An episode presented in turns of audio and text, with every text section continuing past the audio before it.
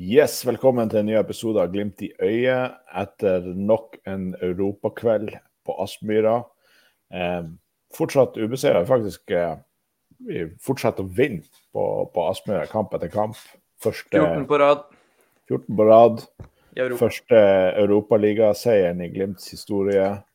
Zürich ble til tider herja med. Kanskje, ikke, kanskje burde hatt et litt heftigere resultat enn det endte med til slutt.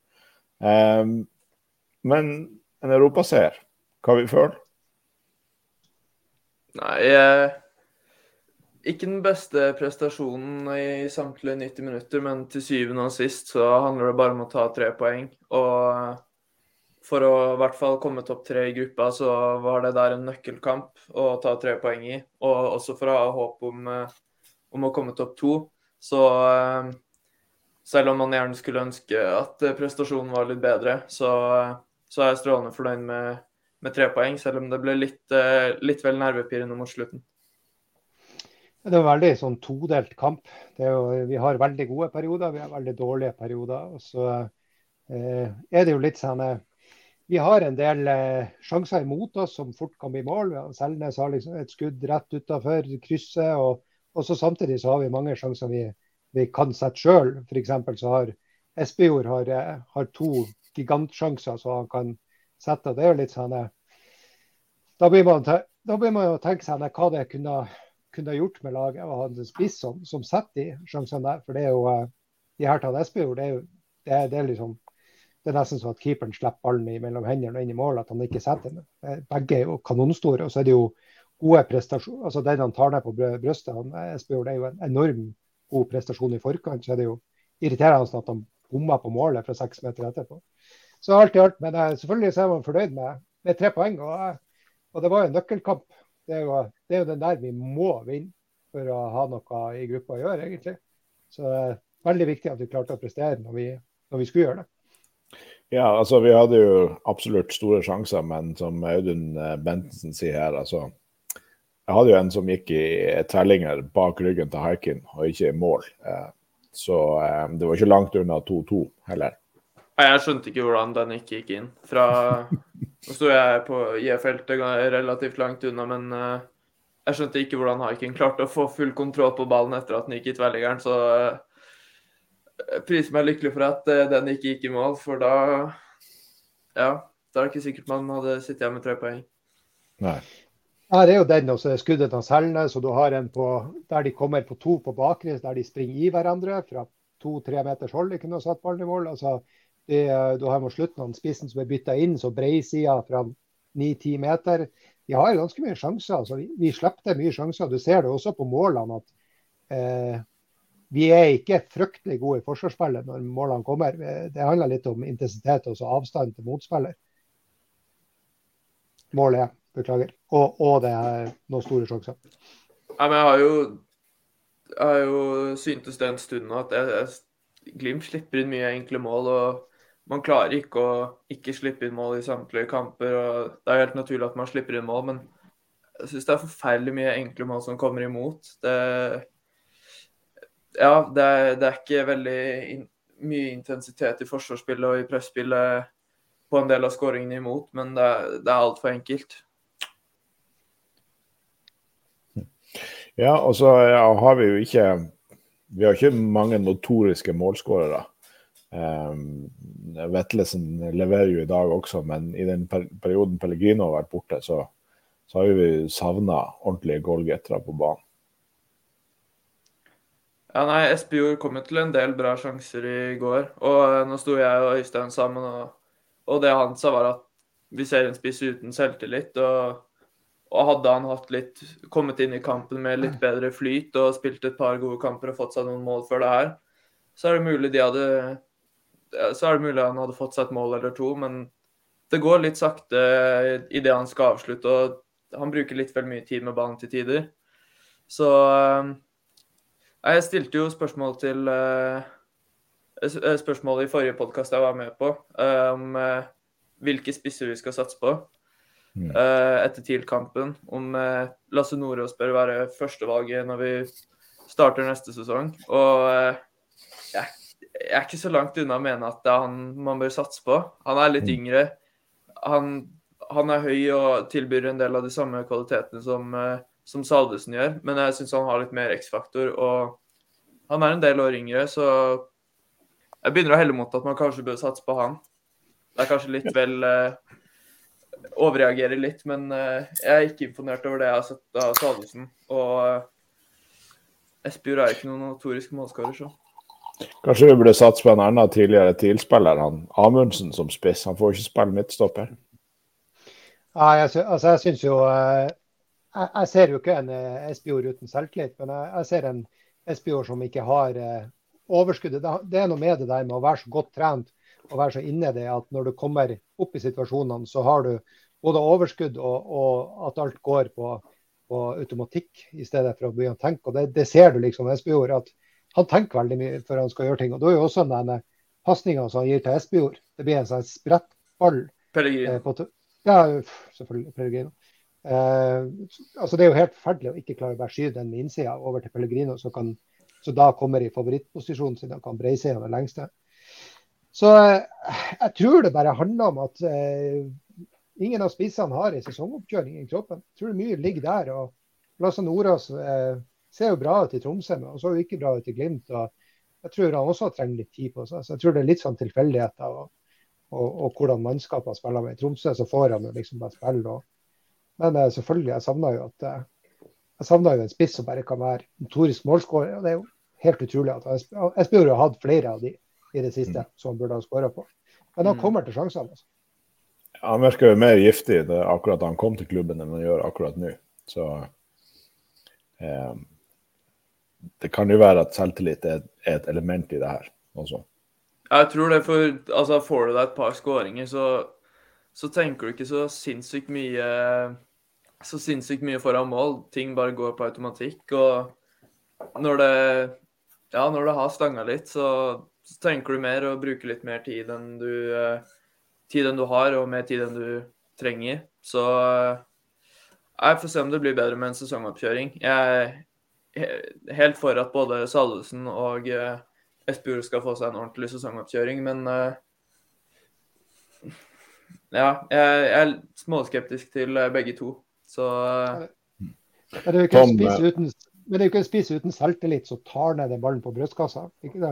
Han prøver jo head der. Det, han, han, har mye selvtillit i banespillet, for han har jo en eh, ganske nonsjalant spillestil. Men selvtilliten foran mål, der, der tror jeg det skorter. Tom Pedersen, eh, medpodder, eh, skriver at Salvesen har i hvert fall foreløpig vært en gedigen skuffelse. Hva dere tenker om det? Helt enig. Ja, altså jeg, jeg, jeg spiller bedrift i, i lag med folk som er sånn at de bare springer og springer og springer. og så altså Folk som har vanvittig god kapasitet, og så har de ikke så mye fotball i seg. Det er ikke det jeg sier at Salvesen ikke har det, da. Men eh, det er jo litt det du ser fra Salvesen, at han springer enormt mye. Men han klarer jo aldri å bli involvert allikevel. Mm. Så det blir sånn eh, du, Ja, du kan, må gjerne springe mye, men det handler jo også mye om å, om å bevege seg smart og, og bruke energien på riktig måte. Så han har vært en stor skuffelse. Også i link-up-spillet, så han, der har han kanskje vært den største skuffelsen. Altså, det er der man er mest skuffa, tenker jeg. Jeg er utrolig, utrolig skuffa over at Boniface ble solgt. Uh, når man ser det målet han produserte i går, og, og uansett om han hadde sine mangler Det har spissene vi har i dag òg. Én er ikke farlig foran mål, og den andre er sliter i link-up-spillet og skårer heller ikke mål. Så selv om Boniface kanskje ikke er verdens enkleste å spille med, så, så føler jeg meg trygg på at han hadde putta en del mål uten at det hadde gått på bekostning av, bekostning av så mye annet. Um, jeg eh, driver jo opplevelsesselskapet Adventure Taylor, som er Glimt-sponsor og, og Glimt-partner. Um, så de, er, de bedriftene som er sånn Glimt-partnere, blir av og til invitert på partnermøte med Glimt eh, på Teams. Og Forrige gang så var det Salvesen som var liksom, gjest fra spillergruppa og, eh, og, fortalte hvordan overgangen til Glimt hadde vært. Og Da fortalte han at eh, det å ta den defensive biten av jobben gikk veldig greit, for det var veldig likt måten de spilte på i Strømsgodset. Men at det var veldig mye nytt å lære når det gjaldt det offensive spillet og de offensive systemene til Bodø-Glimt, som var mye mer avansert og omfattende enn det eh, han var vant til i Strømsgodset.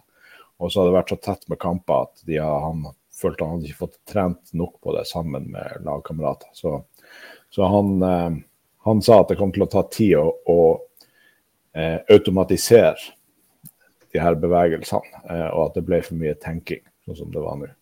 Ja, det er helt fair, men eh, det er jo et problem hvis det blir for mye tenking. Det, det bør jo Altså, foran mål, når du får muligheten, så skal det ikke være så vanskelig å i hvert fall komme til noen sjanser, i hvert fall skape litt. Men nei, han kommer jo ikke til sjanser og er jo ikke i, i nærheten uh, når Glimt tar ballen offensivt. Så, så, selv om det er en stor tilvenning, så, så syns jeg han har vist litt vel lite. Men han skal få tid. Men det, akkurat det med å automatisere er veldig viktig. for at eh, når du begynner å tenke på en fot, altså Det er derfor du, du har treninga. Du kjører det systemet som, som laget har. og Alt skal være innøvd. For at begynner du å tenke, så er du egentlig for sent ute. Mm. Og det er jo det som er at Salvesen han har jo ikke fått, eh, fått noen sesongoppkjøring. Han har jo knapt fått trent med laget. ikke sant? Vi må huske på hvor fersk han er inne, inn i klubben. Så det er jo det jeg, jeg tenker jo det at gi han tid. Det, og det, sånn er det jo også med veldig mange spillere. Nesten alle som kommer til klubb, om ikke alle. At de må ha tid for at de lykkes. Og, og Derfor syns jeg det, både for Espejord og Salvesen, så syns jeg det er veldig tidlig å liksom begynne å avskilte dem.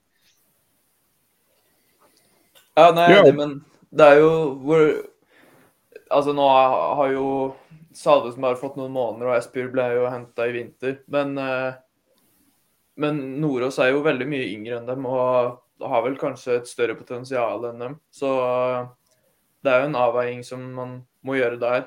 Hvis, eh, hvis man ikke får sett det beste av verken Salvesen eller Espejord neste sesong, så, så mener jeg man eh, bør begynne å vurdere å og satse på Nordås. Sånn sett er det, greit. Det er jo greit i Glimt. Det er jo den som er best for, for spill, stort sett. Da. Så han, jeg tror ikke han ser så mye på potensialet på ja. Is it though? Er det, hvis vi snakker midtstoppere, er det den som er best akkurat nå, som nødvendigvis får spille? Ja, jeg skal enig i den. Ja, altså, For å avslutte eh, spissgreia først, så tenker jeg det er interessant at Salvesen sier det sjøl. Eh, og det sier noe om eh, hvor ambisiøs spillestilen til, til Bodø-Glimt egentlig er. Og vi har hatt en del spillere som har tatt tid før de har lyktes i Glimt, og så har de lyktes etter hvert. Og, og jeg tror eh, det er veldig lett å, sammenligne med Pellegrino, som bare funka fra første minutt på banen. Eh, det, er ikke, det, er ikke, alle som klarer å passe inn så fort. Um, så eh, jeg tror, tror det er håp. Men um, men det sa jo også om Bjørkan eller han Knutsen, som sa det i et intervju. At liksom, mm. når de hadde samtaler med spillerne, så var de, følte seg mye mer trygge på eh, spillere som faktisk kunne gi tilbakemeldinger om sine egne mangler. Ikke sant? Mm. At de hadde selvinnsikt og visste hva de måtte jobbe med, kontra de som syntes det funka kjempebra. Og så allikevel hadde de mangler. Så det er jo med det der med Salvesen at når han ser det sjøl, så vet han hva han må jobbe med. Da kommer han til å jobbe med Nettopp. Det er det er jo sjelden et bra tegn når man har verdensmesterfakta og, og, og eh, eh, à la samme skytte og, og, den type ting. Så da er det jo tross alt bedre med noen som er fullt klar over hva, hva det går i. Og når han snakker om at han eh, trenger tid for å kunne automatisere det, så virker det som at det tenker han at han skal få til. Det gjør han nok. Hmm. Men nå, nå skulle Øystein vært her og resta oss, for vi er veldig problemorientert. Og vi leder gruppa vår, i hvert fall så langt i, i um, Europa. Um, hva vi tenker om Zürich? Er det et lag som vi har uh, sjanse til å ta på bortebane? Ja, absolutt. Men uh, da tror jeg man må opp et lite hakk fra, hakk fra i går. Og så er det også litt spennende å se om altså For det er jo over en måned til nå. Og man vil jo tro at Zürich kanskje har litt eh, positiv progresjon i formen med tanke på at de har starta denne sesongen elendig. Mm. Så eh, jeg tror man kommer til å møte et bedre lag i eh, Zürich enn man gjorde i går. Uh, for uh, ja, de har jo Jeg tror ennå ikke de har vunnet i hjemlig serie. Så uh, får de spilt på seg litt selvtillit der, så, så, tipper jeg det kan bli en tøffere kamp i, kamp i Zürich. Men det viktigste er å vinne kampene på hjemmebane og prøve å få med seg eh, poeng på bortebane. Klarer man uavgjort der, så, så er det greit. Og, men skal man komme topp to, så er, det, så er det ikke dumt å ta tre poeng der. Nei, Nei altså, jeg, jeg syns jo Jeg var litt sånn positivt overraska over kvaliteten på, på Zürich i forhold til den tabellposisjonen de har i hjemlig serie. Jeg syns det var et sånn relativt ålreit lag. med det, Laget fungerte greit nok eh, som en helhet, og så syns jeg enkeltspillerne var gode. Så det, det, er ikke noe kasteball, altså.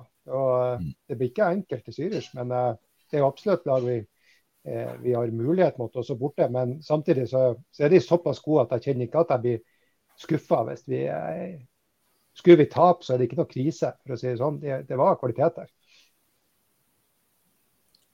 Ja. ja. altså, Det er jo aldri krise å tape i Europa, men uh, når man altså Skal man komme topp to, så må man i hvert fall få med seg ett poeng der. Og uh, for å gjøre det enklere for seg selv, så helst ta tre poeng. Uh, sånn at man har noe å gå på til siste hjemmekampen mot PSV, som potensielt kan bli avgjørende det er litt fint å kunne ha et resultat å spille på der. Hvis du holder med en U så i siste kampen, så er jo det en stor fordel. Eh, heller det enn at man må angripe PSV og vinne, vinne den. For det tror jeg blir vanskeligere.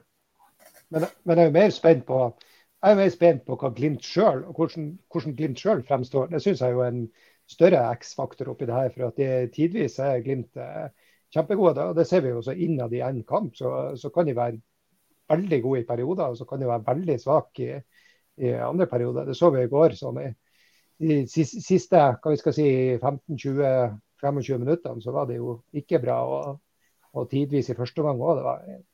Så hvis Glimt får sitt maksnivå, så er jo de så kan de jo slå hvem som helst. så det er jo litt sånn, eh, Akkurat det der er jo litt vanskelig å finne ut av Glimt for tida. For at de, de varierer enormt i prestasjoner. Jeg, jeg, kan ikke helt si at jeg forstår meg på det heller.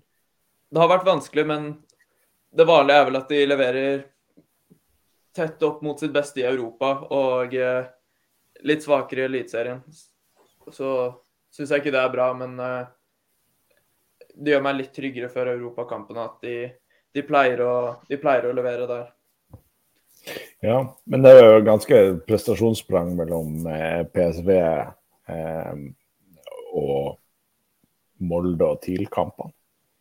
Ja, det er det. Og det, det, er jo et problem, og det har de jo De har jo nevnt det selv at uh, de håper å kunne stabilisere seg litt på, på, det nivået de spiller på i Europa. Men uh, med tanke på kampene i Europa, så, så er jeg ikke så bekymra. Der føler jeg meg trygg på at Glimt vil være tett opp mot sitt beste. Så håper jeg bare man klarer å spille tett opp mot sitt beste i serien nå. Fordi det er noen viktige kamper man har foran seg. Topp tre er sinnssykt viktig med tanke på, på penger brukt i sommer. Så jeg håper de, håper de skrur opp litt der òg. Ja, det, er jo, to idretter. Altså det, det, skal sies i Europa. Og, og, altså, I Europa så tilpasser motstanderen seg i mye mindre grad enn hva i Eliteserien. Og Det tror jeg en, har mye å si.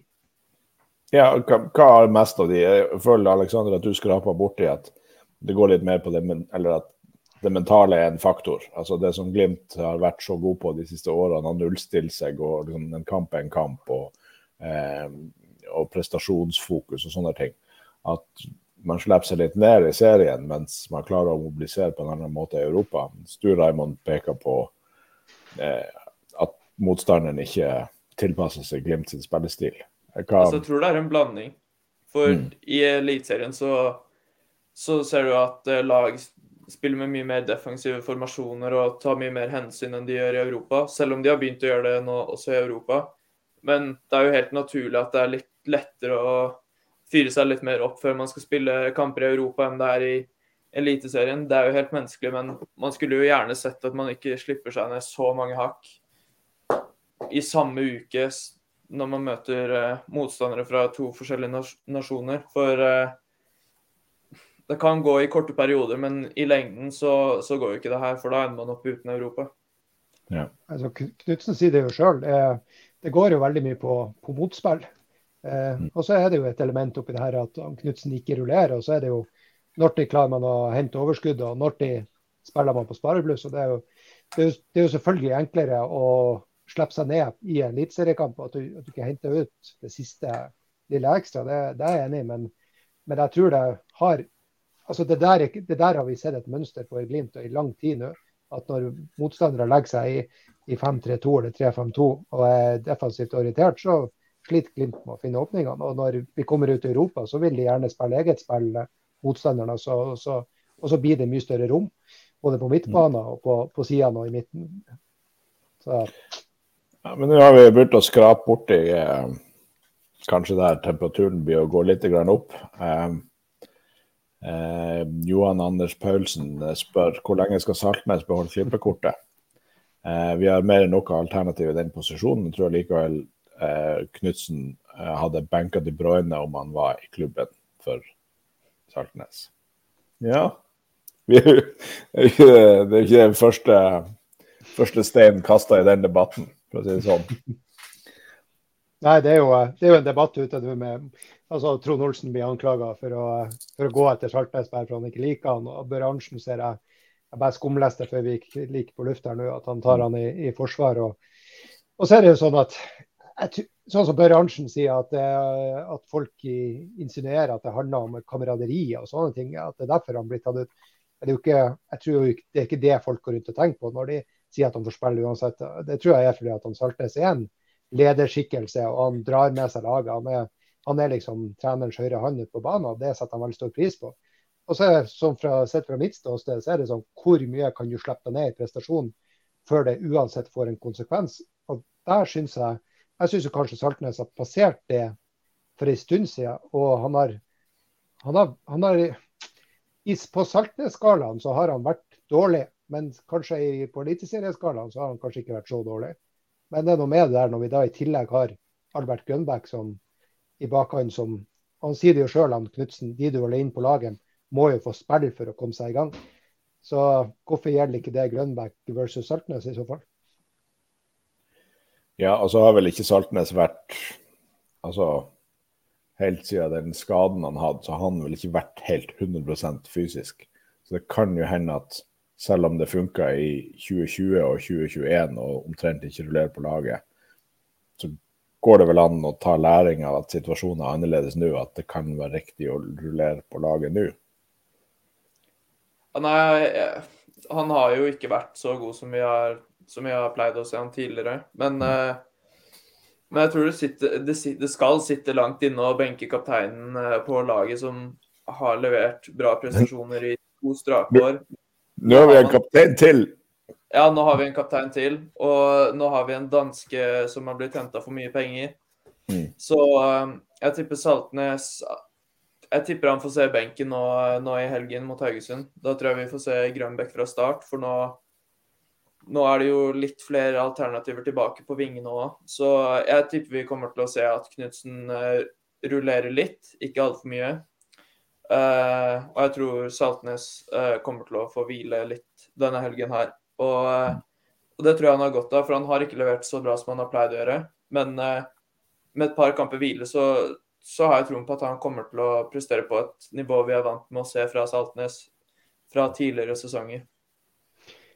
Knutsen har jo tidligere uttalt at, at det, prosessen er liksom at det medisinske må gi grønt lys for en spiller og så spør han spilleren sjøl føler du deg klar for kamp. Ja, OK, hvis han Knutsen da anser han som god nok, så starter han.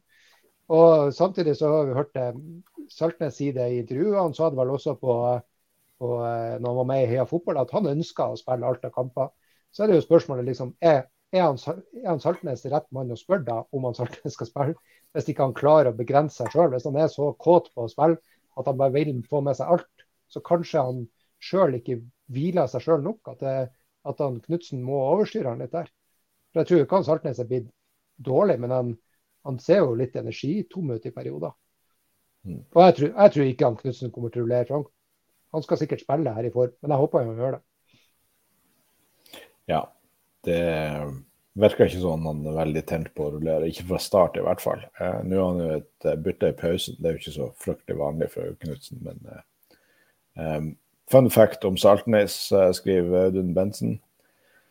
Eh, mål assist i 2021 8-3. I år 5-6. Altså fem mål og seks målgivende. Det er jo noe å ta med seg. Nå har vel Glimt vært eh, skåret en del mer mål i snitt per kamp i år enn i fjor. og Det, var jo på høsten i fjor han uh, han skada seg alvorlig, og han gikk jo glipp av en del kamper. Men uh, ja, han, han leverer uh, han leverer jevnt og trutt med målpoeng, men uh, Men altså, jeg syns man har Man må ikke se for mye på, på statistikk, for det er ikke alltid den er det viktigste. Altså, øyetesten funker fortsatt. Du, du kan lese eller se på spillebørser og få deg et inntrykk av om en spiller har vært god eller ikke, og se på skåringer og sånn, men det forteller ikke hele historien. Og, og Saltnes i det siste har Han har vært dårligere enn han, enn han har pleid å være.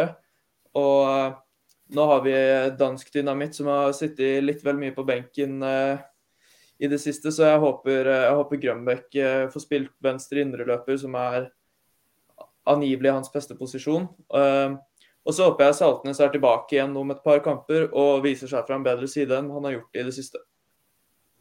Ja, det er jo også da, det her med kommunikasjon til han Saltnes og til spillerne rundt. liksom, at eh, Å holde dem på tærne, rett og slett. Eh, jeg tror at, Derfor tror jeg også sånn mentalt fra Saltnes det kan være godt å liksom, få en kamp på benken. bare for at han gira litt mer opp på hver eneste trening. at det, det lille der, og så er jeg veldig enig med det Alexander sier der. altså i forhold til her, det er så mange tall du kan ta tak i at det er klart nå er det ganske avgjørende tall der som han eh, Audun presenterer, men, men likevel. Eh, du vil alltid klare å finne tall som får en spiller til å se bra ut. Det var veldig gode tall som sagt på han, han Saltnes, men likevel. Det du ser med øynene, er jo at han leverer jo ikke ute på banen det han har brukt og gjort. Det kommer jo veldig godt til syne på f.eks. det skuddet som går i tverrliggeren. Det er jo en horribel pasning hjemover av Saltnes. Det er, det er, jo ikke noe du ser han Saltnes gjør i form. Det er jo noe, noe som nesten alle ser han Saltnes gjør. Så Det mm. går litt på sånne ting. Og i tillegg det her skuddet som, som Zürich har like altså Haiken er helt ned med stanga og redda et skudd på 20 meter. Det er også han Saltnes. Han, han, har muligheten til å komme opp i og blokkere det skuddet der. Men han jogger liksom de siste 6-7 meterne som gjør at han får fyr. Så det er liksom sånn, det mangler edge, rett og slett. Ja, nei. Uh, helt enig i det siste der. Men uh, ja, vi fortsetter kan, kan, jeg skyte inn en ting der? Ja. Uh, at det her med, med, Det vil jeg liksom Jeg vil ta Trond Olsen litt i forsvar. Mm. Fordi at spillere må tåle og for, Saltnes har fått vanvittig mye ros fra hele Fotball-Norge og Alta, eksperter og for noen steg han har tatt. og Det har vært skrevet saker om han, utviklinga hans overalt. Og da må han faktisk tåle å få litt kritikk når det er saklig kritikk. og det er som Trond Olsen sier, det er godt mulig at Trond Olsen misliker Saltnes, men det er ikke noe feil i det han Trond Olsen sier likevel. Så det, det, må han, det syns jeg han må tåle. Mm. Heller, heller, gå ut på banen og, og, og få han Trond Olsen til å holde kjeft gjennom å ha noen vanvittige prestasjoner. Det er jo det vi alle vil. Ja. Men uh, skal vi uh, ned på midtstopperplass? Hva vi føler om laguttaket der? Jeg har ikke noe problem med det, men uh, jeg syns det er jeg syns det er litt kjedelig at det går utover uh, Helstad Amundsen. Uh, jeg skjønner godt at Lode får spille, for han har spilt bra for Glimt over tid. Og at han ble satt inn i laget såpass raskt tror jeg tyder på at han er i ganske solid form, og at eh, Knutsen har troa på han. Men, eh, men jeg syns det ble, gjort på en litt feil måte når Helst Amundsen egentlig ikke har gjort noen verdens ting som tilsier at han skal benkes. Så eh, jeg kan skjønne at, jeg kan skjønne at Lode spiller fra start, og jeg syns ikke han har gjort seg bort. Men men igjen, da kunne man kanskje rullert at Lode får prøvd seg med Altså Nå har han fått prøvd seg med Høybråten. Det hadde vært spennende å se han eh, spille med Helst Amundsen. Så eh, Så ja. Nei, det er i hvert fall mine tanker om saken. Jeg syns jo eh, Altså, det er vanskelig ut ifra hvor lang tid det går fra Lode kommer tilbake til klubben og knapt har spilt fotball på et halvår, og hvor fort han kommer tilbake på laget, så er det vanskelig å finne komme utenom altså gammel kjærlighet fra Knutsen som en del av lagopptaket. At han er, Knutsen er forutinntatt og ikke bare ser på prestasjonene. Eh, jeg syns det er vanskelig å komme unna det. Selv om isolert sett så syns jeg Lode er en bra type. Og så, men eh, en jeg vil, gjerne vil skal, skal kjempe seg til en plass i, i, i førsteelveren. Men jeg syns han skal kjempe seg til en plass i førsteelveren. Ikke få spille seg i form når han Helstad Amundsen liksom har han har jo på en måte gjort alt det han Knutsen ber om hele tida. Han vil at det skal komme spillere inn og gripe plassen og si at denne plassen er min, jeg vil spille. Isak gjør det, og, og så blir han takkende og blir pælma ut av laget. Jeg skjønner det ikke. Og jeg syns jo også han Amundsen er god både defensivt og, og offensivt. Litt rusten mot Molde. Klarte ikke helt å komme opp i Fofana hele tida, men mens han er i forhold til den ut, altså, La han spille for å fortsette den enorme utviklinga. Det var helt, formidabel og eksplosiv utviklinga. La, mm. la, oss se hva han kan få til på å spille fast i to måneder til. Jeg tror han bare vil vokse. Han, eh, Johan Anders Paulsen skriver på mange måter det jeg òg mener at uavhengig av han, hva vi syns om han Lode og han Høybråten og sånn, jeg tenker at på sikt så er Helst Amundsen den stopperen vi har med størst potensial. Og han er vår beste spillende stopper. Så jeg syns det er rart at han blir benka. Um, og greit kan rullere og, og, sånne type ting, men og, og, jeg forstår jo at han Knutsen ikke tenker sånn på at vi skal utvikle de her spillerne over lang tid. I dag stiller vi med det laget jeg mener best akkurat nå. Eh, men, eh, men, likevel. Eh, jeg syns det er rart at, uh, at uh, Amundsen blir benka. På annen side, men, kan, men kan jeg spørre deg, da? Hvis, hvordan ja. ser du uh, argumentene til Knutsen at han mener han Lode akkurat nå er bedre enn han Amundsen. Altså akkurat i den formen han er nå. Hvis, hvis han skal gå på det at han spiller med det laget han syns best nå. Ja, nei, jeg syns det, det, er vanskelig. altså. Lode har jo vært god i Glimt, men det er jo en stund siden. Eh, jeg sier ikke at han har spilt dårlig etter han kom tilbake, men hvilket grunnlag har du for å sette på han istedenfor Amundsen eh, i kamp nummer to etter at han skrev under? Ja. Altså, ta, den siste, siste kampen eh, Amundsen starta, var, var det mot Molde. Det gikk ikke jævlig bra. Nå var jo ikke det Det var jo ikke hans feil, men eh, jeg, jeg klarer ikke å se for meg at han hadde hadde gjort det veldig, veldig mye bedre enn uh, en Lode mot PSV og nå Zürich. Så uh, Altså, nå hadde Lode en uheldig involvering på målet til PSV, men uh, og mista ballen og fikk et gult kort på ei klønete greie. Ja, men det, det, er, det, har ikke blitt uh, utslagsgivende. Men uh, jeg klarer ikke å se for meg at, uh, at det her har vært, har vært, med å påvirke noe utfall i noen kamper. Så, mm. så jeg, jeg, har altså, ikke noe stort problem med det.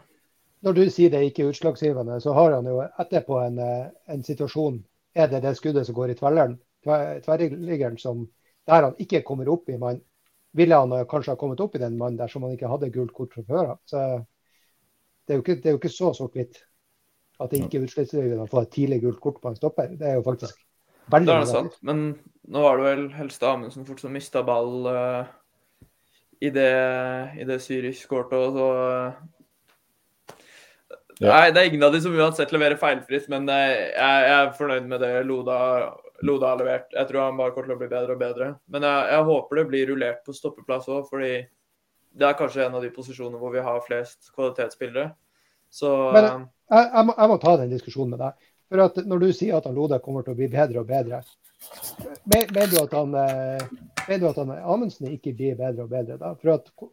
Altså, jeg, jeg, er jo enig med deg at Lode kommer til å bli bedre og bedre. Og, men Amundsen blir jo også bedre og bedre for hver eneste kamp han spiller hvorfor skal vi da prioritere Lode, som er, som er eldre, og som per nå ikke er ordentlig matchfit?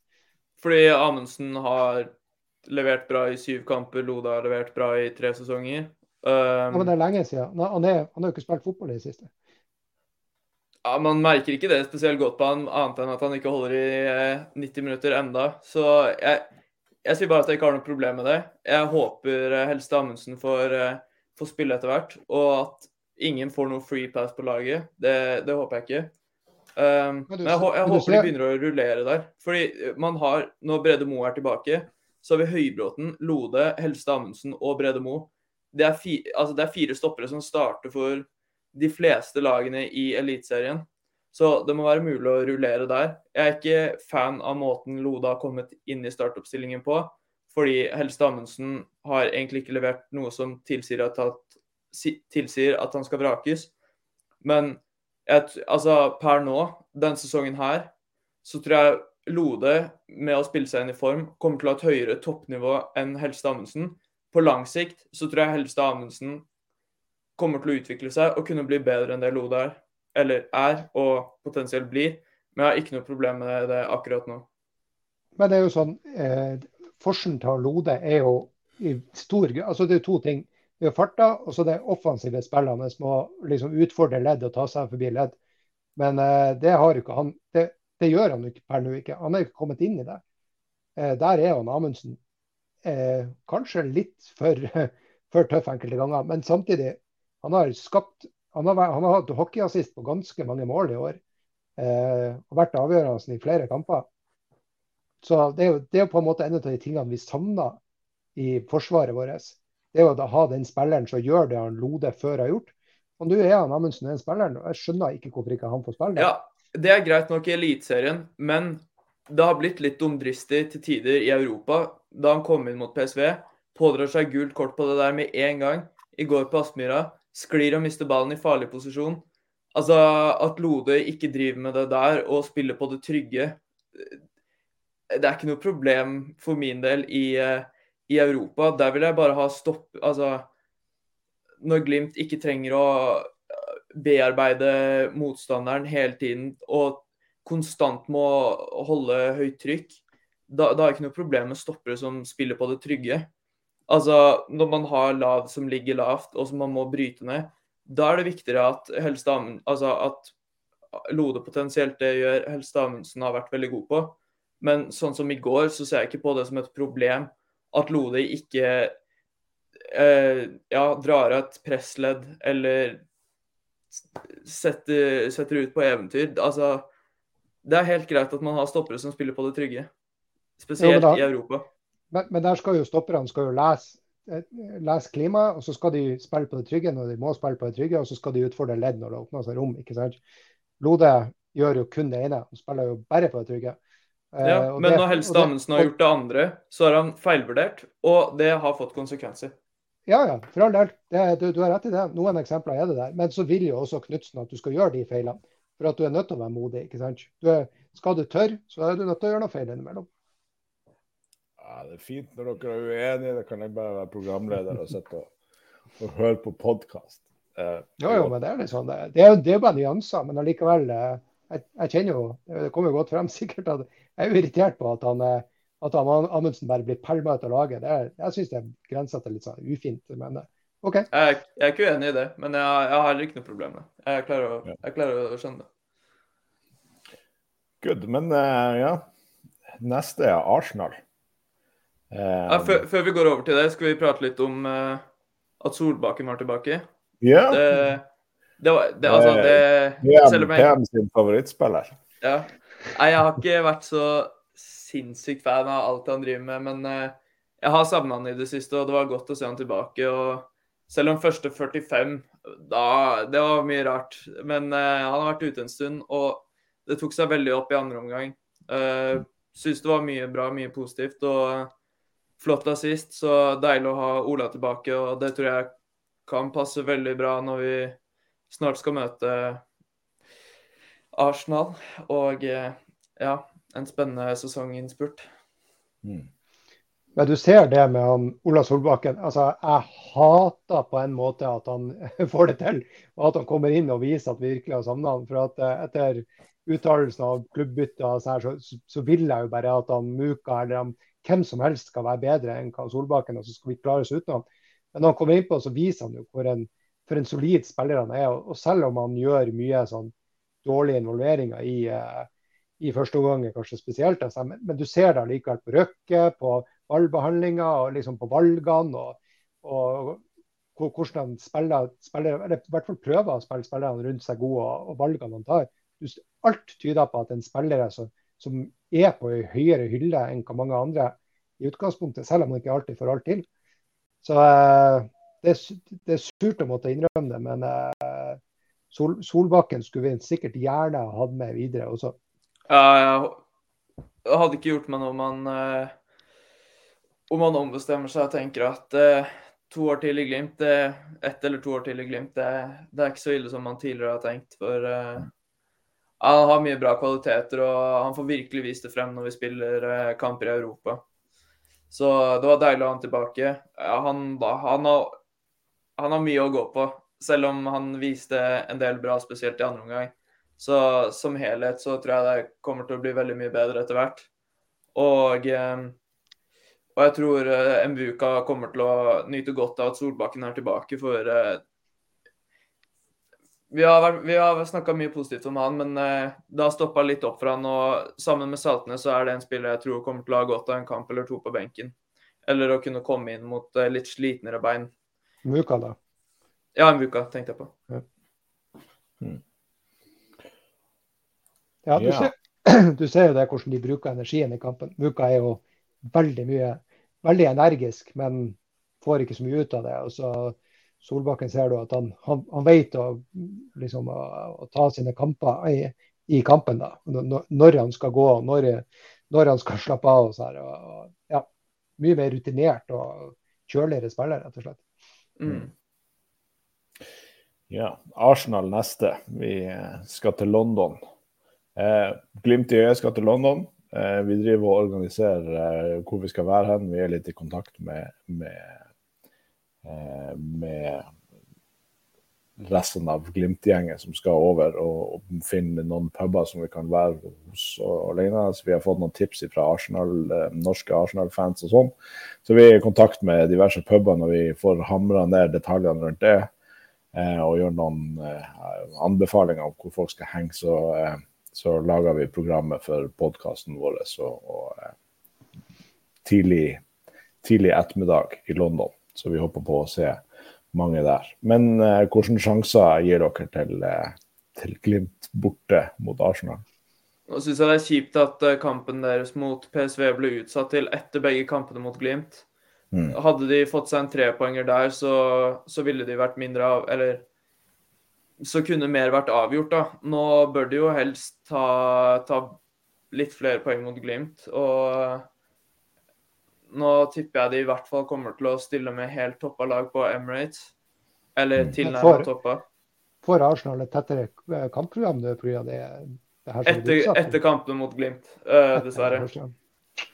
Så det, det syns jeg er litt synd, men uh, herregud jeg har ikke noe imot å se Glimt på sitt beste mot Arsenal på sitt beste. Det, det blir gøy uansett. Altså, men er det, er det, såpass like etter Glimt etter kampprogrammet at de kan hvile spillere mot Glimt? da? Mm, de møter nå Liverpool mellom eh, Glimt-kampene, og kampen mot PSV spilles torsdagen etter eh, Glimt-Arsenal på Aspmyra. Så eh, jeg tviler på at Eh, altså, På Aspmyra tipper jeg de hviler spillere uansett pga. kunstgress og at de ønsker å unngå skader. Men eh, jeg tror vi kommer til å se et litt bedre lag på Emirates enn først antatt. Hmm. Vi får spørsmål fra han, eh, Johan Anders Paulsen om vi kan med hånda på hjertet si at Glimt tar poeng i London. Jeg tror på uavgjort, jeg. Det er som regel det vi spiller borte i gruppespill i Europa. Så jeg, eh, jeg føler at vi kjører tradisjon.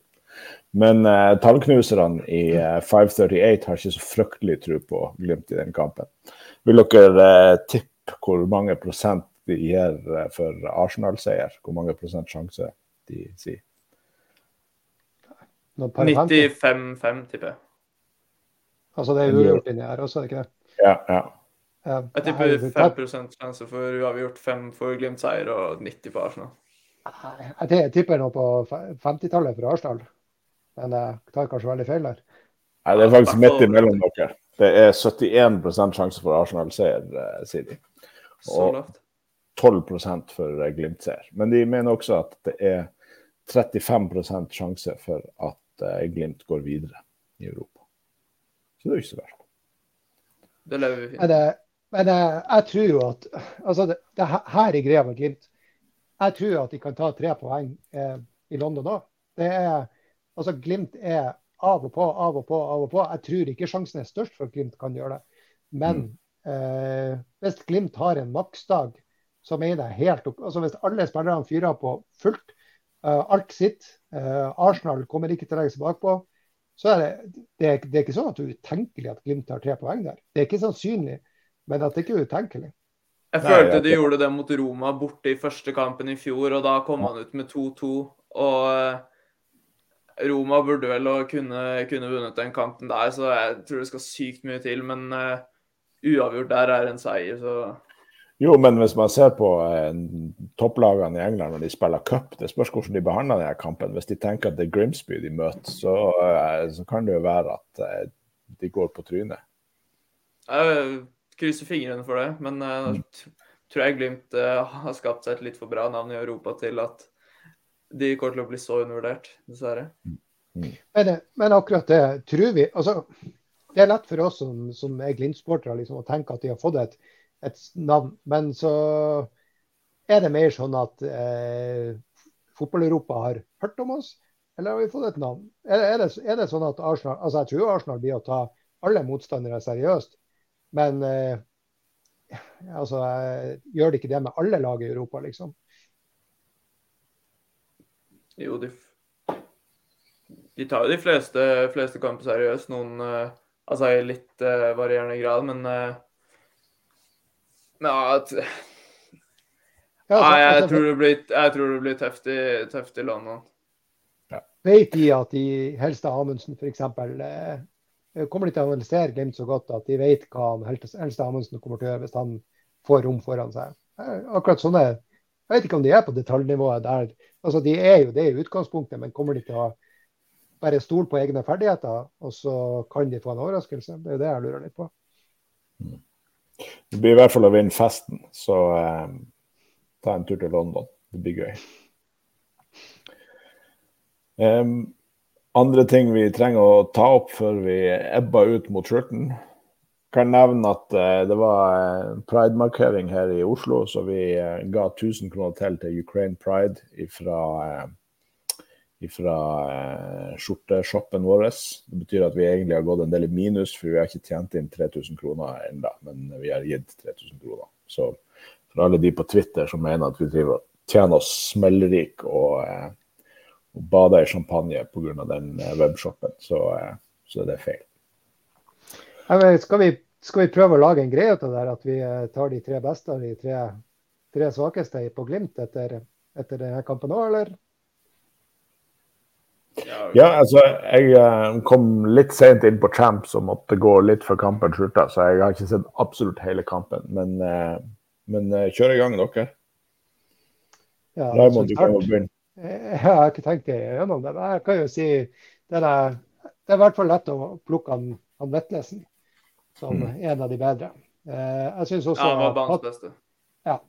Og Patrick Berg, han stoppa vanvittig mye overganger.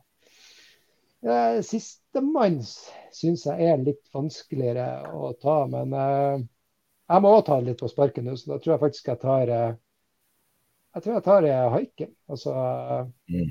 han holder buret rent. Så kan jeg tenke litt på de tre dårligste, mens dere, dere andre tar de tre beste. Alexander? Ja, På de tre beste så er det Patrick og Vettelsen klink, og så Høybråten tror jeg ikke gjorde en eneste feil, så han er vel ganske klink, eh, klink topp tre, han òg. For min del, i hvert fall. Ja. Vettelsen var enorm. Eh, Patrick var også veldig god tilbake. Eh, eh, men jeg, Haiken var egentlig den første jeg eh, hadde på lista. Han har noen redninger som holder oss inne i kampen. Um, ja, jeg går, for, jeg går, for, de tre. Og så kan jeg begynne på de dårligste. Jeg syns jo Samsted gjorde en del rart. Um, kanskje egentlig begge backene. Um, og Vuka hadde vel ikke sin aller beste kamp. Nei, enig i Mvuka. Han, han fikk til lite. og som jeg nevnte tidligere, han tror jeg har godt av å ta en kamp på benken og få samla litt krefter. Så er jeg også enig i Samsted. Og så står det egentlig mellom Bris og Saltnes, men jeg syns Saltnes kom seg ganske greit periodevis i andre omgang, så Ja, jeg tror det må bli Bris, faktisk. Mm. Eller Sal Salvesen, han gjorde ingenting. Salvesen, ikke Bris. Det er det jeg skal si. Salvesen var den suverent dårligste i min bok. Og uh, Saltnes på uh, og delt andreplass med Muka. Men eh, altså det er litt sånn med, med Saltnes liksom, alle, alle de tingene Når han blir, liksom, får de gode posisjonene der vi vet at han kan gjøre noe at Normalt sett så er det her en gigantisk målsjanse. Men så blir det liksom akkurat litt for tregt. og Er ikke raskt nok opp, i, den, uh, i presset og uh, spiller i forferdelige hjemmeoverpasninger og sånn. Så da syns jeg Men uh, Salvesen, han, han var langt dårligere. Han var ikke med i kampen i hele tatt. Ja. Eh, en ting kanskje vi kan ta før, før vi gir oss. Ja. Eh, nå er det her litt sånn, eh, det er vel ingenting som er konkret, eh, egentlig. Men eh, det har jo vært en Jeg vet ikke helt hva vi skal snakke om og ikke snakke om, men, men bare for å ta det overordna. Det har jo vært en del sånn supporterbråk i det siste som kanskje alle har fått med seg. og Altså, jeg vil i hvert fall si mitt standpunkt på det at eh, fotball eh, det, skal, det, skal, spilles på, på baner. Og kampene skal, skal, avgjøres der. og ikke altså Når det begynner å bli både innbrudd, men enda verre når det begynner å bli kom vold og skader og knuste glass i trynet på folk. og altså det, det vil jeg helst ikke se. Og så syns jeg det er på sin plass også å se en kondoranse i retning eh, Wolf Eikrem. Altså. Ja. Det er utrolig, utrolig, Det har jeg ikke hørt om, og det er utrolig Nei. trist å, å, å, å, høre på. Det setter, jo, det setter jo faktisk prestasjonene til Molde og Eikrem i et, et, sterkere lys, selv om det er veldig uviktig. For jeg, tror, jeg skjønte også så det her var en sykdom som har vært en, en periode, og, og, hvordan han har klart å, å, levere sånn som han har gjort det, det hadde ikke jeg fått til. Nei, Nei det er en uh, utrolig tragisk. Så uh, absolutt uh, på sin plass med en kondolanse.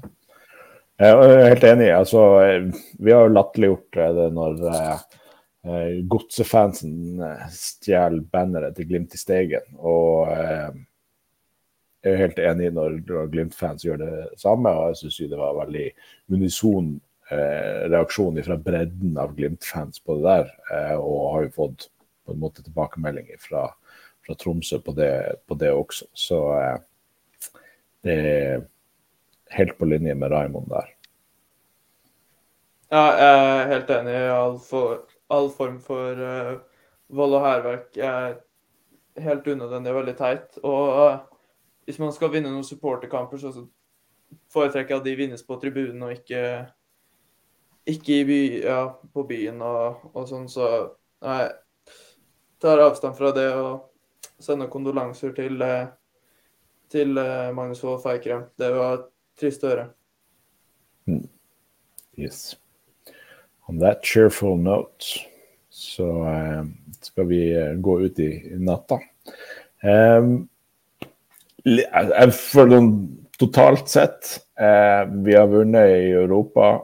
leda jo gruppa kanskje først og fremst pga. at det er en utsatt kamp. Eh, og så har vi sittet en time og egentlig klaga litt over laguttak og, og enkeltspillere og sånn. Så eh, vi er blitt godt vant. Vi har jo det.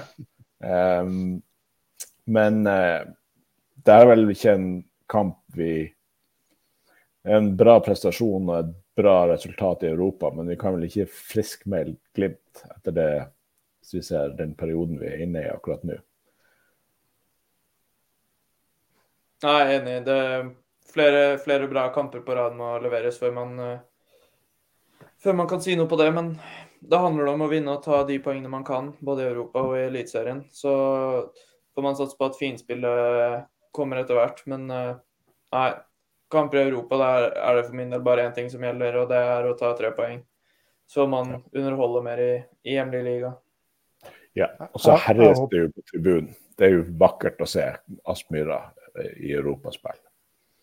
Jeg håper jo også at vi får se Vi har prata om rullering. Jeg håper vi får se rullering. Ikke for rulleringa sin del, men for at vi skal få, eh, få flere spillere i, i, ja, i matchform. Også, og ikke kanskje aller viktigst, å få hvilt spillere, så vi får overskudd ut på banen. For jeg har sagt det hele år tidvis, at uh, jeg tror ikke vi har det treningsgrunnlaget i år som vi har hatt eh, de tidligere årene. Og, og, med hvile så kan man kanskje lappe litt på det, tenker jeg da. Ja. Veldig bra. Da har vi bare en siste oppfordring før dere går og legger dere fredagskveld, dere har litt tid til å gå på nett og booke London-fly. Eh, så ses vi der. Takk for at dere uh, hørte på eller så på, og takk for at dere eventuelt hører på podkasten vår i ettertid etter at dette er spilt inn. Vi skal legge den ut umiddelbart. Um, takk for alle spørsmål som ble sendt inn. Takk til Adventure Taylor som er vår sponsor, og takk til Webium som hjelper oss med produksjon. Så får dere ha en videre fin aften. Adjø.